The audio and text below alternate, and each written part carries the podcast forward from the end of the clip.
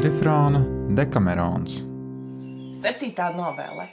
Babilonijas sultāns sūta vienu no savām meitām, Garbas karalim, par sievu. Dažādu nejaušību dēļ viņa četru gadu laikā dažādās vietās nonāk deviņu vīriešu rokās.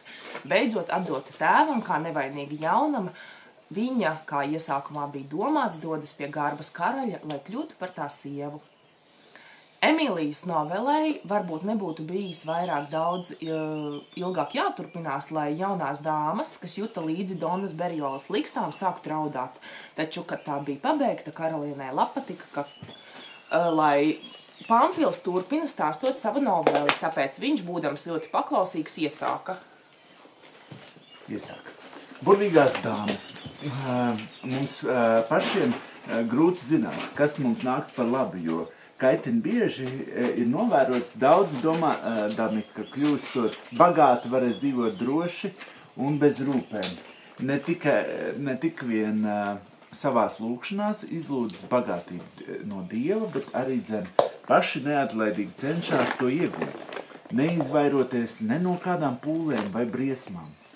Un ja, ja nu viņiem tas izdevies, tad atrodas tādi, kas vēlēdamies kļūt uh, par tik milzīgas bagātības mantiniekiem viņus nogalina.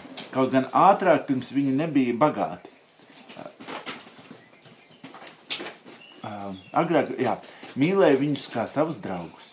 Citi, kas no savas, uh, savas zem, z, citi, kas no savas zemā stāvokļa, uh, caur tūkstošiem bīstam kauju, caur brāļu un draugu asinīm pacēlušies līdz troņa augstumiem, domādam, ka valdnieku varas sniedz lielāko laimi, ir pieredzējuši un izbaudījuši ne tik vien nebeidzamas bēdas un bailes, bet samaksājot ar savu dzīvību, atklājuši, ka pie karaļa galdiem zelta biķeros bijusi imda.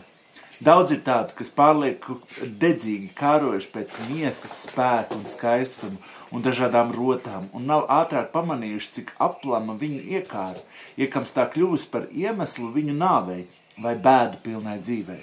Nerunājot par katru atsevišķi, es apgalvoju, ka nav nevienas no visām cilvēku iegribām, kas, kam mirstīgie varētu ļauties ar drošu pārliecību, ka tā pasargāta no likteņa nejaušībām.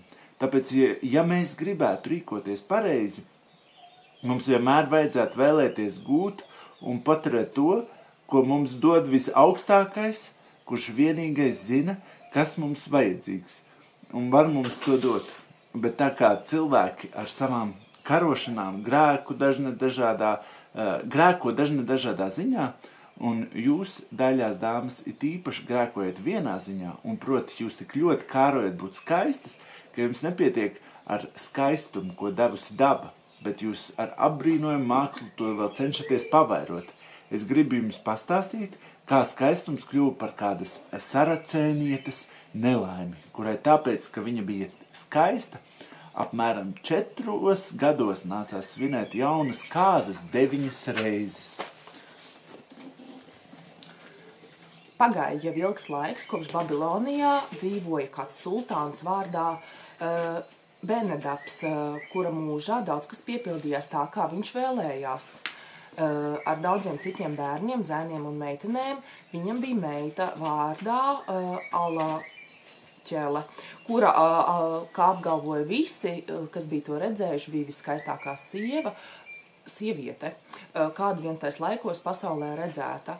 Tā kā lielajā uzvara, uzvarā par, par daudziem arābu karām, karapulkiem, kas viņiem bija uzbrukuši, Garbas karalis bija lieliski palīdzējis sultāns pēc sevišķas pateicības, par sevišķas pateicības zīmi deva Aleķeli par sievu, kas tad viņam to lūdza un iesēdinājis savu meitu labi bruņotā un apgādātā kuģī cienījamā vīriešu un sieviešu pavadībā ar daudzām greznām un dārgām mantām, viņš sūtīdams Aleķelim līgavainim nodeva to dieva gādībā. Jūrnieki, redzēdam, cik laiks ir labvēlīgs, uzvilka būras, izbrauc no Aleksandrijas ostas un vairākas dienas laimīgi turpināja ceļu. Kad viņi jau bija pabraukuši garām Sardīnijai un šķitā tuvu sava ceļojuma mērķim, pēkšņi kādu dienu sacēlās pretēji vēji, kas bija pārlieku brāzmaini, un tā svaidīja kuģi, uz kur atradās jaunava un kuģinieki, ka vairākas reizes viņi jau noturēja sevi pa pazudušiem. Tomēr, būdam izveicīgi ļaudis un likdam lietā visu savu māku un spēkus, viņi izturēja divas dienas cīņā ar bangojošo jūru. Un, kad iestājās jau trešā nakts, kopš vētras sākuma, vētra nerimās, bet pieauga ar katru stundu. Viņi nezinādami, kur atrodas, nevarēja to noteikt ne pēc jūrnieka aprēķiniem, ne arī pēc redzes, jo debesis pilnīgi pārklāja mākoņi un nakts bija tumša. Un te, nu, atrastamies mazliet augšu pa Majorkas, viņi pamanīja, ka kuģim radusies sūce. Neredzēdami nekādu citu glābšanas iespēju un domādami, ka tikai katrs par sevi, nevis citiem. Viņi nolaida jūrā laivu, ko vispirms ielaica kuģi īpašnieki, nolēmuši drīzāk uzticēties laivai nekā iedragātajam kuģim, un pēc tam cits pēc cita sekoja pārējie, kas vien atradās uz kuģa. Lai gan tie, kuri pirmie bija pārkāpuši laivā ar ar dunčiem stā, rokās stājās pretī tiem. Visi metās uz laivu un cerēdam izbēgt no nāves, kļuva par tās laupījumu, jo laiva lielajā vētrā nevarēja panest tik daudz cilvēku un nogrima, un visi, kas atradās laivā, gāja bojā. Uz kuģa bija palikusi tikai augstdzimusī dāma un viņas kalponis, kas vētras un baiļu pārvarētas. Uh, pārvarētas gulēja gandrīz kā mirušas.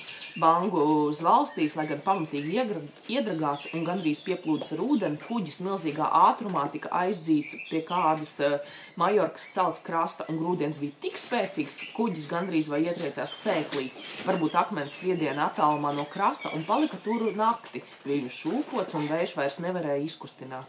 Kad beidzot bija ataususi gaisma un vētra mazliet norimusi, jaunava vēl līdz pusē bezsamaņā pacēla galvu un, lai arī nespēcīga, sāka saukt te vienu, te otru uh, no saviem ļaudīm, bet velti. Mm, sauktie atradās pārāk tālu, tāpēc nesaņēmuši nekādu atbildi, un neviena neredzēdama viņa ļoti brīnījās, un viņa pārņēma milzīgas bailes. Piecēlusies kā nu varēdama, viņa ieraudzīja savas pavadones un pārējās sievietes guļam. Ilgi saukusi, purinādama gan vienu, gan otru, viņa tikai nedaudz, at, viņa tikai nedaudz atrada pie dzīvības. Lielākā daļa no jūras slimības un bailēm bija kā miršas. Tāpat Jānau pārņēma vēl lielākas šausmas. Taču bija jāatrod kāds padoms, jo viņa redzēja, ka palikusi šeit gluži viena un nezināja un neapjaut, kur atrodas. Tāpēc viņa tikai purināja pie dzīvības palikušās, kamēr tās piecēlās. Pārliecinājusies, ka arī tās nezina, kur palikuši vīrieši un redzēdama, ka kuģis uzskrien sēkli un ir pilns ar ūdeni, viņa kopā ar tām sāka rūkti raudāt.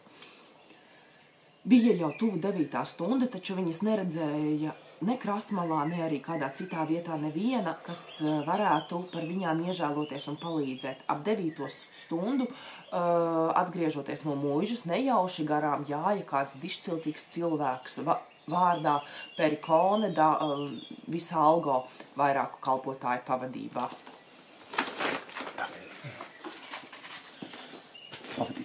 Ieraudzījis kuģi, Perikone tūliņ noprata, kas noticis, un pavēlēja vienam no saviem kalpotājiem nekavējoties pamēģināt uzkāpt uz sadragātā kuģa, un pēc tam pastāstīt, kas tur atrodas.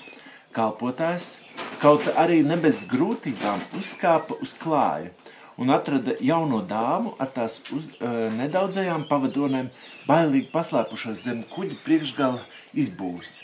Ieraudzījuši, ieraudzījuši, ieraudzījušas svešos sievietes, eh, sveš, svešo sieviet, sievietes raudādams vairāk kārt lūdza to uh, iežēloties par viņām. Uh, par viņām, bet pamanījušas, ka tās, tas uh, viņas nesaprot, tāpat kā viņas to ne, ar zīmēm pūlējās parādi, parādīt savu nelaimi.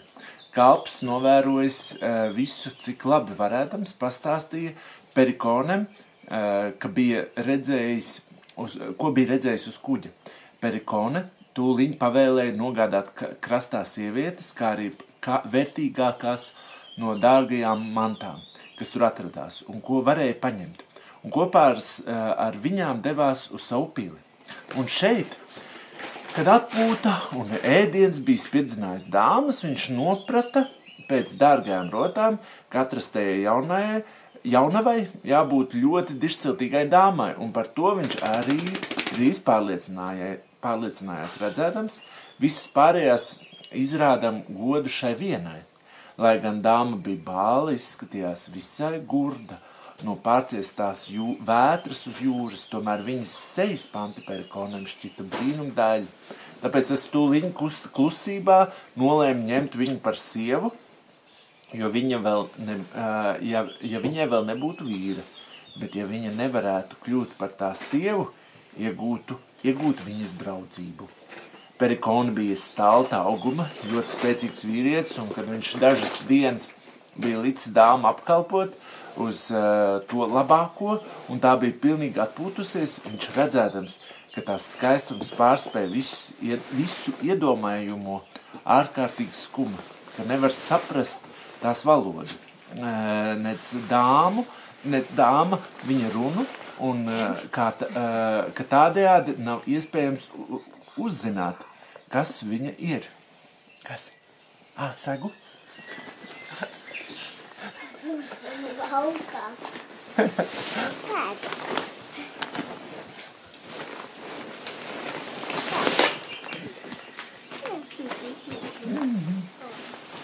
Jā.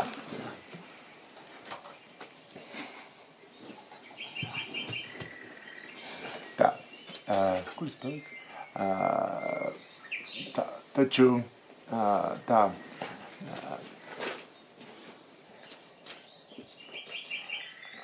jā, tūlīt, bez, tā, ka nevar, nec dāma viņa runu, ka, un, un ka tādēļ nav iespējams uzzināt, kas viņa ir. Bez mēras sajūsminājies par tās skaistumu, viņš ar laipnu un mīlīgu izturēšanos centās pamudināt to bez pretošanās izpildīt viņa vēlēšanos, taču viss velti. Dāma pilnīgi atraidīja viņa draudzību, tāpēc perikonas kaislība uz, uzliesmoja vēl vairāk. Kad jaunā dāma to redzēja un jau vairākas dienas šeit uzturē, uzturēdamies pēc šejienes paražām, saprata, ka atrodas starp kristiešiem un tādā vietā, kur būtu maz labuma atklājot sevi, ja arī mācētu to izdarīt. Viņa apjauta, ka ar laiku vajadzēs padoties perikons iekārai, vai nu spēka vai mīlestības pārvarētai, un nolēma augstsirdīgi doties pretīm rūgtajam liktenim.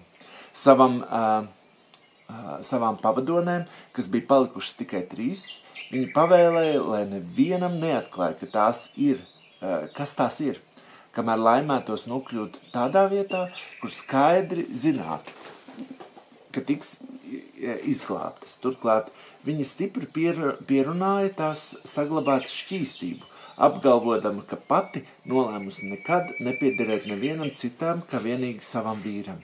Sievietes viņu par to uzslavēja un solīja, cik vien būšot to spēkos, izpildīt viņas pavēli.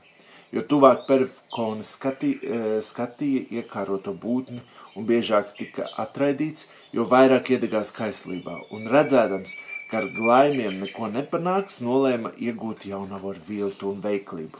Pataupot savu, pataupot varu vēlākam laikam. Vairākas reizes ievēros, ka dāmai garšo vīns, ko viņa nebija radusi dzert, tāpēc, ka ticība viņai to liedza perikona, cerēja viņu iegūt ar, ar vīnu šā Venēras kalpa palīdzību, izlikdami, iz, izlikdamies, ka viņu neskumdina dāmas izvairība. Perikoni kādu vakaru sarīkoja labas vakariņas svinīgu svētku veidā, kurās dāma ieradās pie bagāta klāta galda. Perikoni pavēlēja kalpam, kas dāma apkalpoja, pasniegt viņai kopā sajauktus dažādus vīnus. Kalps to teicam izpildīja, un dāma ka brīnišķīgā dzira iegaršojās, nemaz e, nepiesargādamās iedzēra vairāk nekā pieklātos viņas godam. Tādu aizmirsus visu pārlaistās nedienas, viņa kļuva līksma un redzēdama dažā, dažas meitenes dejojam pa majorkiešu paradumam, pati sāka dejot aleksandriešu reisi. Kad Perikons to redzēja, viņam šķita, ka drīz piepildīsies tas, ko viņš vēlējās. Un tir, tu, turpinot vakariņas, ēdienu, dzērienu un dzērienu pārpilnībā, viņš tā, tās novilcināja līdz vēlē naktī. Beidzot, kad viesi bija aizgājuši, Perikona viens ar dāmu iegāja istabā. Tā vīna uh, vair, uh, vairāk iekarsēta nekā tikums spēja atvēsināt, bez nekāda kauna izģērbās perikonas klātbūtnē, it kā viņš būtu viens no tās pavadonēm un apkūlās. Perikona nekavējās eh, tai sekot, un nodzēsis visas uguns ātri nogulās dāmai blakām. Apskāva to un bez mazākās pretošanās no dāmas puses sāka, to, sāka ar to mīlīgi kaitēties. Uh, kad uh, Alaķele, kas nekad nebija zinājusi, ar kādu rāgu vīriešu vada, to bija izbaudījusi, viņa gandrīz vai nožēloja, ka tik ilgi nebija ļāvusies perikons glāstiem un negaidīdama ielūguma uz tik saldām naktīm. Bieži pati uh, likās ielūdzama ne ar vārdiem, kurus viņa nemā, kuros viņa nemācēja saprasties, bet ar darbiem. Ta, taču, pēc liela, taču pēc viņu lielajiem priekiem liktenis, kam nepatika ar to vienu, ka padarīja karaļa līgavu par pilskunga draugaļu, gatavoja jaunavai daudz nežēlīgāku mīlestību. Perikonam bija brālis, gadus 25 vecs, skaists un spirts kā roza vārdā uh, Marāto. Kad viņš ieraudzīja Alaķeli, tā viņam ārkārtīgi iepatikās, un uh, tā kā viņam likās, uh, cik varēja redzēt pēc jaunās izturēšanās, ka tā arī pret viņu bija labvēlīga un pārliecināts, ka tā bija, ka tā kā vienīgi uh, stingrā apsardzība, kādā perikona turēja alaķeli, un nekas cits liedz viņam iegūt jaunavu, ko iekārojas. Marāto ienāca prātā nežēlīga doma, un šai domai nekavējoties sekoja noziedzīgs darbs. Gadījās, ka tolaik pilsētas ostā atradās kuģis, kas jau bija uzņēmis krabu, lai dotos uz uh, Kjarencu Romānijā. Uh, Kuģis piederēja diviem jauniem dženaviešiem, un tie bija uzvilkuši burus, lai varētu izbraukt līdz ko būs labvēlīgs vējš. Ar tiem vai nu Marāto vienojās un norunāja, ka tie, ka tie viņu kopā ar dāmu nākamajā naktī uzņems uz kuģa. To nokārtojis un izlēmis, kas darāms, viņš naktī iestājoties kopā ar dažiem saviem visusticamākajiem biedriem, kurus bija aicinājis palīgā, lai izpildītu savu nodomu slepeni, devās uz Perikonas māju, kur, eh, kurš nemaz no viņa nepies, nepiesargājās un noslēpās tā kā norunāts. Kad daļa no nakts bija pagājusi, viņš ielaida savā istab, savā, savus biedrus istabā, kur gulēja perikone ar alaķeli, un viņi nogalināja aizmigušo perikoni, sagra, sagrāba daļavu, kas bija pamodusies un gauži raudāja, un piedraudot ar nāvi, ja tās atceltu kaut vismazāko troksni, ar lielu daļu no visvērtīgākajām perikonas mantām, neviena nepamanīta steidzās uz ostu, lai Marāto un dāma tū, kur Marāto un dāma tūdaļ uzkāp uz kuģa, bet viņa biedri atgriezās savās mājās. Tā kā pūta labvēlīgs un spirgts vējš, jūrnieki nekavējoties devas, devās ceļā. Dāma daudz un gluži skuma kā par savu pirmo, tā par šo otro nelaimi, taču Marāto ar svēto cilsdēstu um, ar ko Dievs viņu bija, to bija apveltījis, sāka viņu tā mierināt, ka viņa pie tā pieradusi aizmirsa perikoni. Un kad viņai šķita, ka atkal viss ir labi, liktenis uzsūtīja jaunas bēdas, it kā nepietika jau ar iepriekšējām. Tā kā dāma bija brīnum daļa, tā jau vairāk, kā, kā jau vairāk kārt teicu, ar ļoti mīlīgu un jauku izturēšanos abi jaunie kuģi īpašnieki tik stipri viņai iemīlējās, ka aizmirsuši visu pārējo, pūlējās vienīgi viņai pakalpot un izdabāt, tomēr sargādamies, lai Marāto あ nenojaustu šādas izturēšanās iemeslu. Pamanījuši viens otru mīlestību, viņi to pārunāja pavisam slepus un uh, nolēma padarīt uh, šīs mīlestības ieguvumu, ieguvumu kopēju. It kā ar mīlestību varētu rīkoties tāpat kā ar tirgus preci vai peļņu redzēdami, ka Marāto dāmu ļoti sargā un tādā kārtā kavē viņa nodomu piepildīšanu kādu dienu, kad kuģim braucot pilnās burās, Marāto stāvēja kuģa pakaļgalā un raudzījās jūrā, ne mazākajā mērā no viņiem nepasargādamās, viņi ātri vienojušies sagrāba to no mugurpuses un iemeta ūdenī. Un kuģis jau bija attālinājies no tā vairāk nekā jūdzi, iekams kāds pamanīja, ka Marāto iekritis jūrā uzzinājuši par to, uzzinājuši par to un saprastama, ka nav līdzekļi, kā atgūt marāto, dāma atkal ļoti noskuma. Abi mīlētāji tūdēļ, tūdēļ steidzās viņu mierināt.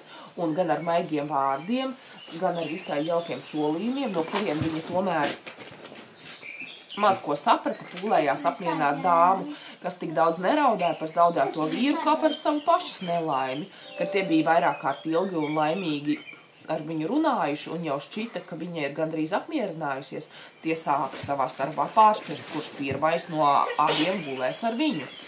Tā kā katrs gribēja būt pirmais, nevarēdam nekādi par to vienoties, tie vispirms ar asiem un rupjiem vārdiem uzsāka ķildu, un pēc tam iedegušies dusmās ķērās pie dunčiem un niknumā metās viens otram virsū. Un tā kā pārējie, kas atradās uz kuģa, nevarēja tos izšķirt, izšķirt Tie sadūra viens otru vairākās vietās, un viens no ievainotajiem tūlīt nokrita beigts, bet otrs, kaut gan smagi ievainots, tomēr palika dzīvs. Tas ļoti nepatika dāmai. Um, jo viņa redzēja sevi šeit vienu, bez jebkādas palīdzības vai padomu. Stipri baidījās, ka pret vi, e, viņu varētu vērsties abu jūrnieku, e, jūrnieku radinieku un draugu dusmas, taču ievainotā lūkšanas un uh, uh, taču, taču, taču, taču, taču, kur tas palika? Jā, taču ievainotā lūkšanas un drīzā atbraukšana Kjārensā atpestīja viņu no nāves bailēm. Tur viņi kopā ar ievainoto izkāpa krastā. Un, kad viņa bija apmetusies ar to kādā viesnīcā, baumas par viņas lielo skaistumu tūliņ izplatījās pilsētā un nonāca ausīs Morejas princim, kurš atradās Kjerensā un gribēja viņu redzēt. Kad tas viņu bija redzējis, viņa tam šķita vēl skaistāka nekā izdaudzināta, un tas uzreiz viņā tik stipri iemīlējās, ka nebija spējīgs domāt par uh, ko citu. Uzzinājis, kādā kārtā viņš šeit nonākusi, princis nolēma, ka viņam tā jāiegūst. Kamēr uh, tas, par, uh, kamēr tas pēc viņas centās, par to uzzināja ievainotā rad, radinieki un nekavējoties nosūtīja dāmu princim, kuram uh, tas bija augstākajā mērā patīkami un tāpat arī dāmai, jo viņai šķita, ka izglābusies no lielām briesmām. Princis rada, redzēdams, ka bez skaistuma viņa ir apveltīta arī ar karaliskiem tikumiem, un nevarēdams nekā citu uzzināt, kas viņa ir, nosprieda, ka tai jābūt dišciltīgai dāmai. Tāpēc mīlēja viņu vēl divreiz vairāk, turēdams viņu lielā godā un apiedamies nevis kā ar mīļāko, bet kā ar savu īsto sievu. Atceroties pārlaist likstas dāmai šķita, ka viņai klājas ļoti labi, un viņa pilnīgi apmienājās un kļuva, pa, kļuva līksma. Un viņas daļums tā uzziedēja, ka liekas visā, visa Romānija nerunāja ne par ko citu. Tāpēc Atēnu hercogs, jauns, skaists, drosmīgs vīrietis, prinča draugs, radinieks gribēja viņu redzēt izli, izlikdamies, ka braucis uh, apciemot princi, uh, ka reizēm mēdza darīt, uh, darīt tas ieradās Kerencā ar lielu un cienījamu svītu, tika sagaidīts ar godu un lielu prieku. Pēc dažām dienām, kad abi uh, draugi sarun, sarunājās par dāmas daļumu, hercogs jautāja, vai viņi patiešām esot tik brīnišķīgi būtni, kā stāsta. Princis atbildēja, Viņi ir vēl brīnišķīgāki, taču es vēlos, lai tevi pārliecina nevis mani vārdi, bet paša acis. Tā kā hercogs neatlaidīgi lūdza princi kopā ar viņu, kopā ar viņu lūdza princis kopā ar viņu aizgāja pie dāmas. Un tā, iepriekš zinādams par viņu ap, apciemojumu, saņēma viņus tik ļoti laipni un, līk, un līksmi. Viņi nosēdināja dāmu sev vidū, taču nevarēja gūt prieku sarunājoties par to, jo tā visai maz vai nemaz nesaprat šo valodu, tāpēc katrs skatījās uz to kā uz brīnumainu būtni. Ir sevišķi hercogs, kas tikko spēja noticēt, ka tā ir mirstīga sieviete. Nepamanīdams, ka lūkojoties, e, lūkojoties uz to, viņš ar acīm iesūc mīlestības indi Un uh, domādams, ka tanī raugoties remdē savu vēlēšanos, viņš pats sevi nelaimīgā kārtā sasaistīja, dedzīgi tājā iemīloties. Tad, nu, hercogs kopā ar princi no tās bija aizgājis, un viņam radās brīvs brītiņš, lai klusībā visu pārdomātu. Viņš nosprieda, ka princis ir vislaimīgākais cilvēks zemes virsū, tāpēc, ka tik skaista būtne atrodas tā varā. Pēc daudziem un dažādiem apsvērumiem, domādams vairāk par savu karsto mīlestību nekā par savu godu, viņš nolēma, lai, kāda arī tam būtu, lai kādas arī tam būtu sekas, nolaupīt uh, princim šo laimi un cik spēdams iepriecināt sevi pašu. Nospriedzis, ka jāpasteidz, viņš atmeta visu saprātu un taisnīgumu un sāk domāt tikai par viltu. Kādu dienu pēc ļaunprātīgas norunas ar visusticamāko prinču Sulaini, kuru sauca Čurjačī. Viņš slepeni pavēlēja sagatavot zirgus un sakārtot visas savas lietas aizbraukšanai. Nākamajā naktī Čuriačī viņu kopā ar kādu biedru, abus apbruņotus, pavisam klusu ielaida prinča istabā. Viņš ieraudzīja princi, kamēr dāma gulēja, pilnīgi kailu, lielā karstuma dēļ stāvam pie loga jūras pusē, lai atsveicinātos ar vēju, kas pūta no jūras. Tad nu hercogs jau iepriekš pamācījis savus biedrus, kas, kas tam darāms, klusi aizgāja līdz logam un iedūra nazi mugurā uh, princim tik dziļi, ka tas otrā pusē atkal iznāca ārā. Ātri saķēris princi, izmeta viņu laukā pa logu. Pilns bija pils bija celta ļoti augstu virs jūras, un loks, pie kura bija stāvējis princis, izgāja nedaudzām, uz nedaudzajām mājām, kas bija sab, sabrukušas vētras brāznās, kur tikpat kā nekad neviens nestaigāja. Tāpēc arī nu, notika, kā hercogs iepriekš bija paredzējis, ka prinča krišanu neviens nepamanīja un nevarēja būt pamanījis. Hercogs biedrs Redzēdams, ka tas nu padarīts, ātri uzmet valgu no šim nolūkam, eh, ko šim nolūkam bija paņēmis līdzi, čuriačī kaklā, izlikdamies, ka grib to apmīļot, savilkt to tik cieši, ka čuriačī vairs nevarēja sa eh, sacelt nekādu troksni. Kad pienāca hercogs un viņi abi, abi kalpu nožņaudza un izmeta turpat, kur bija izmetuši princi.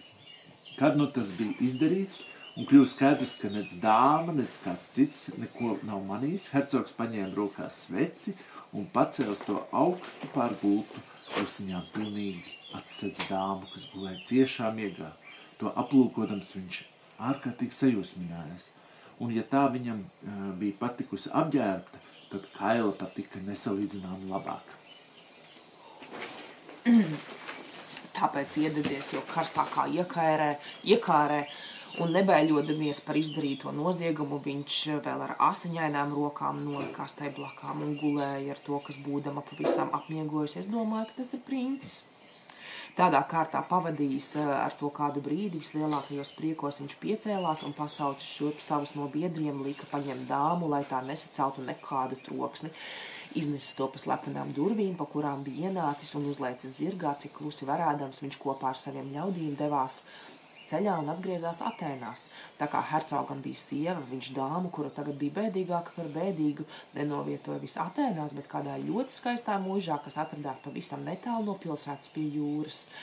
Šeit viņš turēja to slepenībā, līgdams pienācīgi apkalpot. Otrā rītā prinču galvenieki nogaidījušies līdz devītajai stundai, kamēr princis celsies, bet neko nedzirdēdami atlauza istabas durvis, kas vienmēr bija aizslēgts, un nevienu neatraduši, nolēma, ka princes, princis slepeni ir kaut kur aizbraucis, lai pabūtu dažas dienās kopā ar skaisto dāmu sev par prieku, tāpēc vairs par viņu nebežījās. Bet te atgadījās, ka nākamajā dienā kāds ārprātīgais iegāja drupās, kur atrada pirčas, uh, prinču un čuriačī līķus, aiz, vaiga, aiz valga izvilka ārā čuriačī un gāja tālāk savā nodamā vilkdams līķi nopakaļ. Šo līķi pazina daudzi un nemazums brīdīdamies par glaimiem, par uh, glaimiem pamudināja ārprātīgo aizvest viņus uz turieni, no kurienes šīs tos izvilcis un par lielām bēdām visai pilsētai atrada tur arī prinča līķi un godam to apbērēja.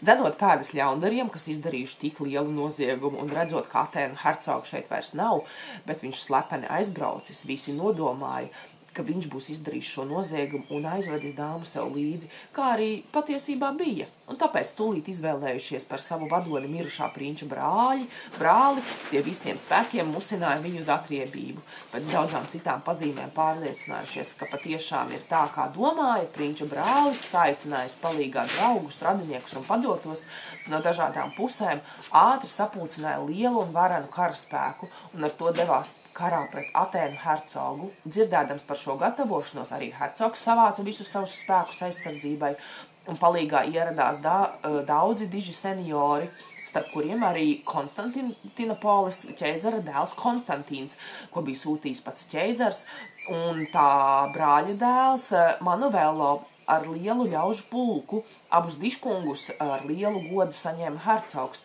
bet sevišķi hercogiene, kas bija viņa radiniece. Kad un dienas dienā tuvāk nāca karš, hercogiene atradusi izdevīgu brīdi, aicināja abus savā istabā, un gauži raudot gari un plaši izstāstīja visu notikumu, kara iemeslus un to, kādā kārtā hercogs viņu apvainojas ar šo sievieti, kuru tas tagad domājams turot slepenībā no visiem. Stipri gauzdamās viņa lūdza, lai šie darot kaut ko spējot hercogu goda labad un viņai par mierinājumu. Jaunekļi saprata, kā viss bija norisinājies, tāpēc eh, vairāk neizjautādam hercogiem tie nomierināja viņu, cik vien labi prāsdami deva viņai cerības un uzzinājuši no viņas, kur atrodas dāma, aizgāja. Tā kā abi jaunekļi daudzas reizes bija dzirdējuši slavējumu dāmas apbrīnojamo skaistumu, tie vēlējās viņu redzēt un lūdzu hercogu tiem dāmu parādīt. Hercogs aizmirst, kādu galu ņēma princis, ka tas viņiem uh, Alaķēlī parādīja, apsolīja to darīt un pavēlējis sagatavot lielisku maltīti kādā skai, ļoti skaistā dārzā, kas atradās turpat pie dāmas mītekļa. Viņš nākamajā rītā aizveda jaunos seniorus kopā ar nedaudziem citiem pie dāmas uz pusdienām.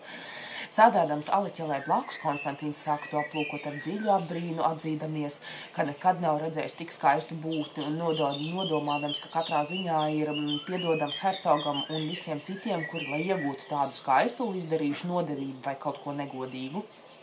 Tā uzlūkojot dāmu vienu un otru reizi un ar vien vairāk par to sajūsminoties, Ar viņu notika tāpat, kā bija noticis ar hercogu. Aizgājis no dāmas un dedzīgi tajā iemīlējies, viņš aizmirsa visas domas par karu un sāka gudrot, kā varētu to atņemt hercogam, ļoti labi noslēdams no visiem savu mīlestību. Kad viņš tā dega kaislas ugunīs, ugunīs pienāca laiks doties pretīm princim, kas jau tuvojās hercoga eh, zemēm.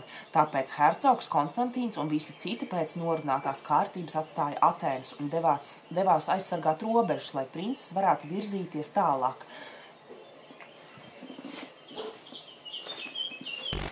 Tā nu uzturēdamies tur vairākas dienas un ar sirdi dom, uh, un domām visu laiku būdams pie šīs dāmas, Konstantīns nosprieda, ka tagad, kad hercogs neatrodas tā stūmā, viņš varētu ļoti viegli piepildīt savu vēlēšanos, un lai būtu iemesls atgriezties Atenās, viņš izlikās stipri sasirds, tāpēc ar hercoga atļauju nodevis savu karapulku vadību Mon Manovello rokās, viņš atgriezās Atenās un pie, uh, pie māsas.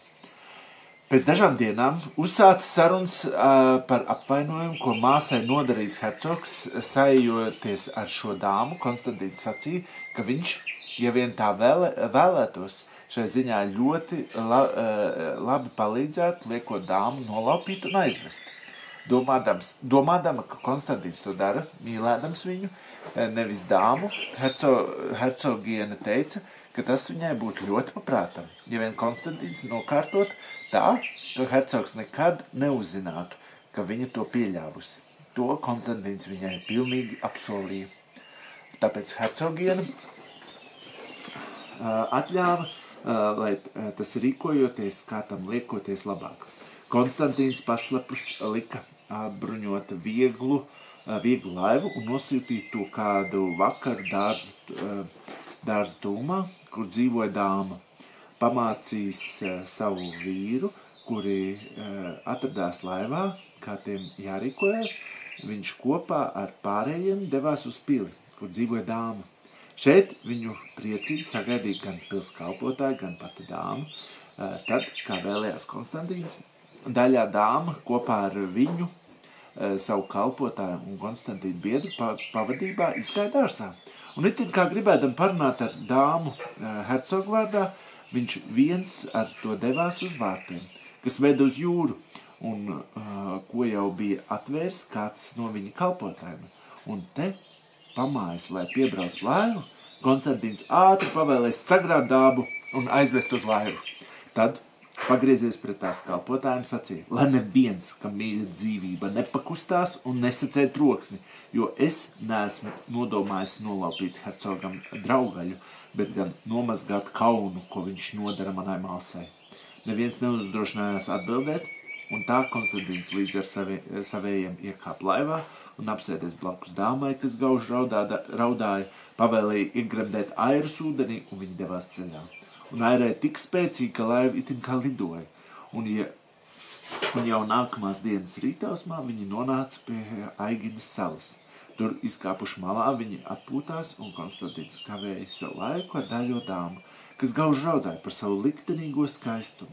Tad atkal iekāpuši laivā viņi dažas dienas, dažās dienās sasniedza Hīs salu. Un tur aiz bailēm no tāva pārmetumiem, kā arī bīstoties zaudēt nolopīto daļļavu Konstantīnam, patikās palikt, patikās palikt, jo viņš uzskatīja šo vietu par drošu. Vairākas dienas skaistā dāma raudāja par savu nelaimi, bet vēlāk Konstantīna mierināta tāpat kā citas reizes sāk priecāties par to, ko liktenis viņai deva. Kamēr viss norisinājās, kā teikts, gadījās, ka Osbeks, toreizējais Turcijas karalis, kas pastāvīgi karoja ar ķēzari, tieši tajā laikā nejauši iegriezās samir, sam, Smirnā, un tur samirā.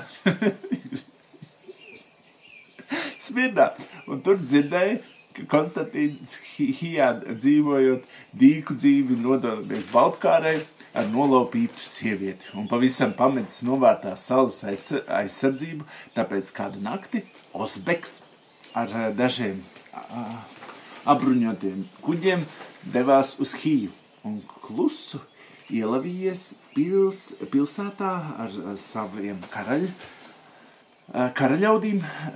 Daudzus iedzīvotājus saņēma ciet gultā, pirms viņi ap, ap, atjēdzās ka iebrucis ienaidnieks, un nedaudzos, kas atmodušies, beidzot ķērās pie ieročiem, nogalināja. Nodedzinājuši visu pilsētu, nogā, eh, nogādājuši uz kuģa laupījumu un gūstekņus, viņi atgriezās Smirnā. Kad viņi tur nonāca, Osbeks, kas bija vēl jauns vīrietis, pārskatot savu laupījumu, atrada skaisto sievieti un uzzinājis, ka tā ir tā pati, kas ir, ir sagūstīta aizmigusi Konstantīna gultā bija kļuvis priecīgs. Viņu redzot un bez jebkādas kavēšanās apņēma viņu par sievu.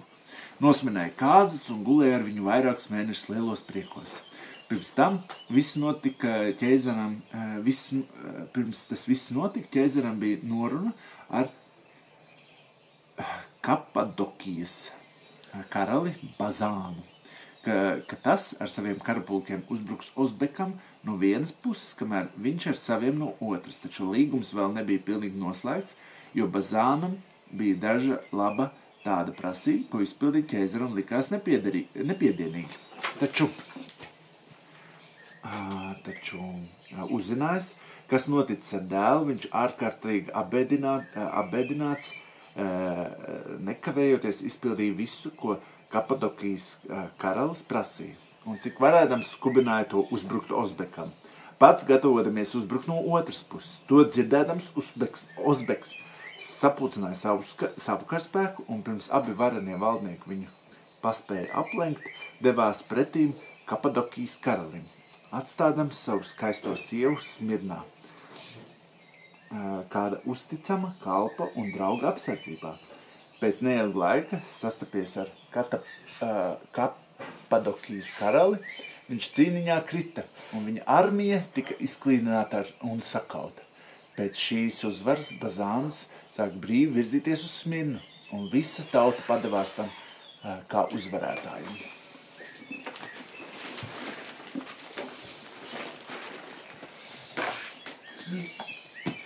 Ozbeka kalps vārdā Antioko, kura apsardzībā bija atstāta skaistā dāma, lai gan e, vīrs jau gados tomēr redzēdams, cik viņa dāļa kļuva neusticīgs savam draugam un pavēlniekam, un viņai iemīlējās. Zinādams viņas valodu, kas dāmai bija ļoti patīkami, jo vairākus gadus viņai bija nācies dzīvot gandrīz kā kurlai un māmai, nevienu nesaprotot un e, nevienu nesaprastai kalps mīlestības mudināts, drīz vien sāka tik laipni pret viņu izturēties, ka pēc neilga laika aizmirsuši savu kungu un pavēlnieku, kas uh, apbruņots atradās karā, abi tik cieši sadraudzējās, ka draudzība jau pārvērtās mīlestībā, un viņi gultā zem palagiem guva viens no otru brīnišķīgu prieku.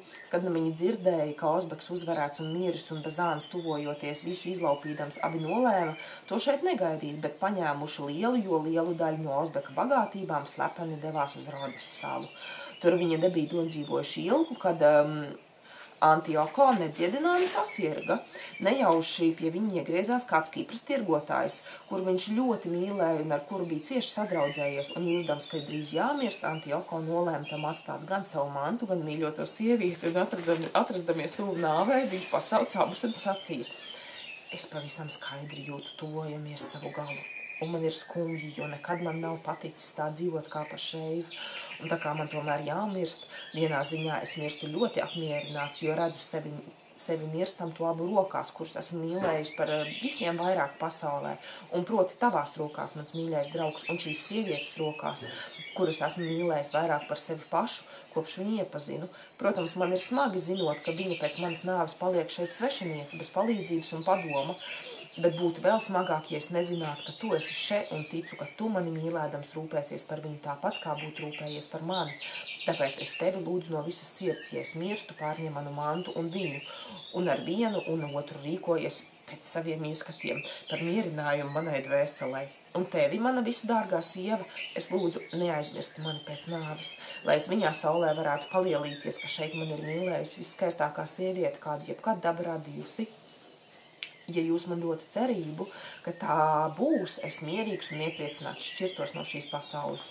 Dzirdot šos vārdus, viņa draugs tirgotājs, tāpat kā Dona raudāja, un kad Antioko bija beidzis, abi mierināja viņu un solīja pie, pie savas ticības izpildīt visu, ko viņš lūdz, ja notiktu tā, ka viņš mirtu. Nepagāja ilgs laiks, kad viņš nomira, un tie lika godam viņu apbedīt. Pēc dažām dienām, kad Kipras tirgotājs bija nokārtojis visas savas darīšanas Rodas salā un gribēja atgriezties Kiprā ar kādu katalāniešu kuģi, kas tur stāvēja, viņš jautāja skaistajai dāmai, ko tā nodomājas darīt, jo viņam jāatgriežoties Kiprā. Dāma atbildēja, ka labprāt došoties līdzi, ja viņiem nekas nesot pretī, jo cerēja, ka mīlēdams Antioko viņš turēs un sargās kā viņu kā māsu. Tirgotājs atteica, ka gatavs izpildīt visu, ko Donna vēlas, un, lai pasargātu to no visām nepatikšanām, kas varētu atgadīties ceļā līdz Kiprai, visiem sacīja, ka tā esot viņa sieva. Kad viņi bija uzkāpuši uz kuģa, viņiem ieraud, ierādīja mazu kaīti kuģa priekšgalā, un, lai darbi neizrādītos pretēji vārdiem, viņi abi kopā apgūlās nelielajā gūtiņā. Tāpēc notika tas, par ko neviens ne otrs nebija domājis izbraucot no Rodas un draugi. Labvēlīgi apstākļi, tumsa, gultas siltums, kam ir visai liela vāra, viņus pavadināja, un viņi aizmirsuši mirušā Antioko draudzību un mīlestību, gan arī vienādas saldkaisles iekairināt sāka draiskoties viens ar otru, un saradojās, pirms tie sasniedza bafu, no kurienes bija kiprietis. Kad nu viņi bija nonākuši, dāma vēl ilgu laiku dzīvoja kopā ar tirkotāju. Oh, mēs tuvojamies. Mm -hmm. Uh, gadījās, Bafā, lai nokārtotu kādas darīšanas, ieradās dišķildīgs vīrs vārdā Antigons, kam bija jau daudz gadu un vēl vairāk prāta, bet nedaudz mantas, jo Antigons, kam bija jau daudz gadu, uh, jo kalpojot, ah, cik smuķīgi sarās, jo, uh, nu tātad, vada Antigons, kam bija daudz gadu un vēl vairāk prāta, bet nedaudz, uh, nedaudz mantas, jo kalpojot Kipras karalim, viņš bija piedalījies vairākos pasākumos, kur liktenis viņam bija uh, bijis labvēlīgs. Kādu dienu, ejot gar māju, kurā mita skaistā dāma, Kipras tirgotājs pat laban bija aizbraucis ar uh, savām precēm uz Armēniju. Antigons nejauši ieraudzīja viņu vienā no mājas lūgiem. Un tā kā viņa bija tik ļoti skaista. Tas e, sāka viņu vērīgi aplūkot un atcerējās viņu kādreiz redzējis, bet kur to nekād nevarēja atminēties. Daļā dāma, kura ilgi bija bijusi likteņa rotaļlieta un kuras lik, likstām drīz vien bija lemts beigties, ieraudzījis Antigonu tūliņ atcerējās, ka redzējusi to Aleksandrijā kalpojam tēvam, turklāt ne mazā amatā. Tāpēc pēkšņā cerība, ka ar tā padomu vēl varēs atgriezties karaliskā godā. Viņi zinādama, ka uh, tirgotāja nav mājās, cik vien ātri iespējams lika attaicināt Antigonu pie sevis. Kad tas bija atnācis, viņa kaunīgi jautāja, vai šis nesot Antigons no fama, uh, Famagostas, kā viņai liekoties. Antigons atbildēja, ka esot, un savukārt sacīja, kundze, man šķiet, es jūs pazīstu, bet nekādu nevaru atcerēties, kur esmu jūs redzējis. Tāpēc es jūs lūdzu, ja tas jums nav grūti, atgādiniet man, kas jūs esat. Kad dāma dzirdēja, ka tas patiesi ir viņš, tā stipri raudādam metās viņam ap kaklu, un tā kā Antikons bija ļoti izbrīnījies, izbrīnījies pajautāja, vai viņš nesot to redzējis Aleksandrijā. Dzirdēdams tādu jautājumu, Antigons tūliņ pazina, ka tā ir at, Alatjele, sultāna meita, par kuru visi domāja, ka tā jūrā noslīkusi, un viņš jau gribēja tai izrādīt pienācīgo cieņu, bet Alatjele to nepieļāva un lūdza viņu uz brīdiņu apsēsties. Antigons paklausīja un godīgi jautāja, kādā kārtā un kad un no kurienes viņa šeit nonākusi, jo Ēģiptē viss esot pārliecināti, ka viņa jau pirms daudziem gadiem jūrā ņēma uz galu. Dāma atbildēja, es patiesi gribētu, lai labāk tas būtu noticis un man nebūtu bijis jādzīvo tā, kā esmu dzīvojis, un man šķiet, mans tēvs būtu vēlējies to pašu, ja kādreiz uzzinātu par manu dzīvi. Aletiela sāka kauž raudāt, tāpēc Antigons sacīja, kundze, Nezaudējiet drosmi, pirms laika lūdzam, pastāstiet man, ko esat pieredzējis un kāda ir bijusi jūsu dzīve. Varbūt viss vēl norisināsies tā, ka mēs ar Dievu palīdzību atradīsim labu izēju. Antigons sacīja Alatjēli. Man liekas, ka ieraugot sevi, eh, tevi, es ieraugu savu tēvu, tāpēc tās, eh, tāpēc tās mīlestības un maigumu pamudināt, jo man pieklājas just, eh, ko man pieklājas just pret tēvu, es tev atklāšu visu lai gan es to varēju arī noslēpt. Jo maz man ir gadījies redzēt tādu cilvēku, par kuriem es būtu tik priecīgi kā par tevi. It īpaši tagad sastopot un pazīstot tevi ātrāk par jebkuru citu. Tāpēc tās likstas, ko āleži esmu slēpus, es atklāšu tev kā savam tā, tēvam. Ja tu visu noklausījies, atzīsi, ka tā ir kāda, ka ir kāda iespēja, lai es atgūtu agrāko stāvokli, tad lūdzams palīdzi man. Bet, ja tādas nav, tad es tevi lūdzu nekad nevienam neteikt, ka esi mani redzējis vai kaut ko par mani dzirdējis. Jo projām raudādama viņa izstāstīja visu, kas bija gadījies, sākot ar to dienu, kad viņa, viņa kuģi pie Majorkas sadragāja. Līdz šim brīdim, noklausījies viņas stāstu, Antigons sāk raudāt aiz līdzjūtības. Tad mazliet padomājis, sacīja, kundze, tā kā visas jūsu, jūsu likstās pa, palicis apslēpts, kas jūs esat. Es katrā ziņā atdošu jūsu tēvam dārg, dārgāk nekā jebkad. Un pēc tam jūs kļūsiet garbas karaļa sieva. Tad Aleķēla viņam jautāja, kā viņš to panākšot. Viņ, viņš paskaidroja visu pēc kārtas, kas darāms. Un, lai pārlieku vilcinoties nerastos kāds kavēklis, Antigons tūliņ atgriezās Famagostā, devās pie karaļa un sacītam, man man valdnieki. Ja jums lapa tiktu, jūs reizē varētu sagādāt sev vislielāko godu, bet man, e, kas esmu, e, esmu kļuvis nabaks, jums kalpojot lielu labumu, turklāt bez lieliem izdevumiem no jūsu puses. Karalis jautāja, kā tas būtu izdarāms, un atbildēja, un Antigons atbildēja, Bafā ir nonākusi jauna, skaist, e, jaunās un skaistā sultāna meita, par kuru klīda baumas, ka viņa esot noslīkusi. Lai gan, lai saglabātu savu godu, viņa ilgāku laiku cietusi vislielākās grūtības, eh, vēl tagad atrodas nabadzībā un vēlas atgriezties pie tēva. Ja jums lapu tiktu nogādāt tam viņu manā apsardzībā, tas būtu liels gods un eh, jums un man liels labums. Un esmu pārliecināts, ka tādu pakalpojumu sultāns nekad neaizmirst. Īsti īstas valdnieka augstsirdības pamudināts, karalis tūliņa atbildēja, ka esot ar mieru un aizsūtīja pēc viņas, pavēldādams viņu ar pienācīgu godu atvest Famagostā, kur pats un karaliene bez gala priecīgi un svinīgi viņu sagaidīja. Tad uz karaļa un karalienes jautājumiem par, eh, par eh, viņas piedzīvojumiem viņa atbildēja, ka bija – mā, kā bija mācījis Antigons, un izstāstīja visu.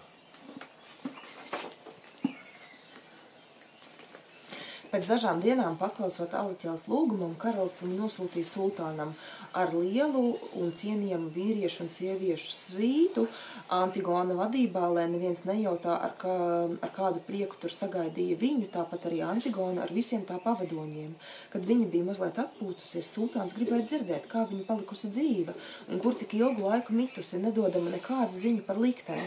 Tad Alaķele, kas ļoti labi paturējis prātā Antigona pamācības, iesāka stāstīt. Mans tēvs, tas varēja būt 20. dienā pēc manas aizbraukšanas no jums, kad stipra vētra sadragāja mūsu kuģi un kādu nakti izmeta krastā rietumu pusē.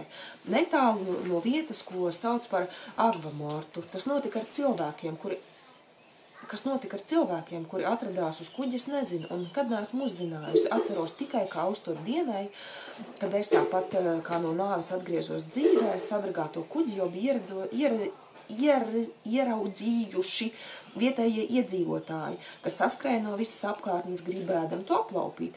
Mani pirmo ar divām man, manām pavadonēm aiznes uz krastu, un viņas tūlīt sab, sagrāba vairāk jauni cilvēki, viens ar otru, viens ar otru, kamēr uz savu pusi metrās bēgt. Kas ar viņām notika, to es nekad neesmu uzzinājusi, bet kad divi jaunie cilvēki saķēra un sāka vilkt aiz bizēm mani, es pretojos un visu laiku, visu laiku stipri vaimanāju.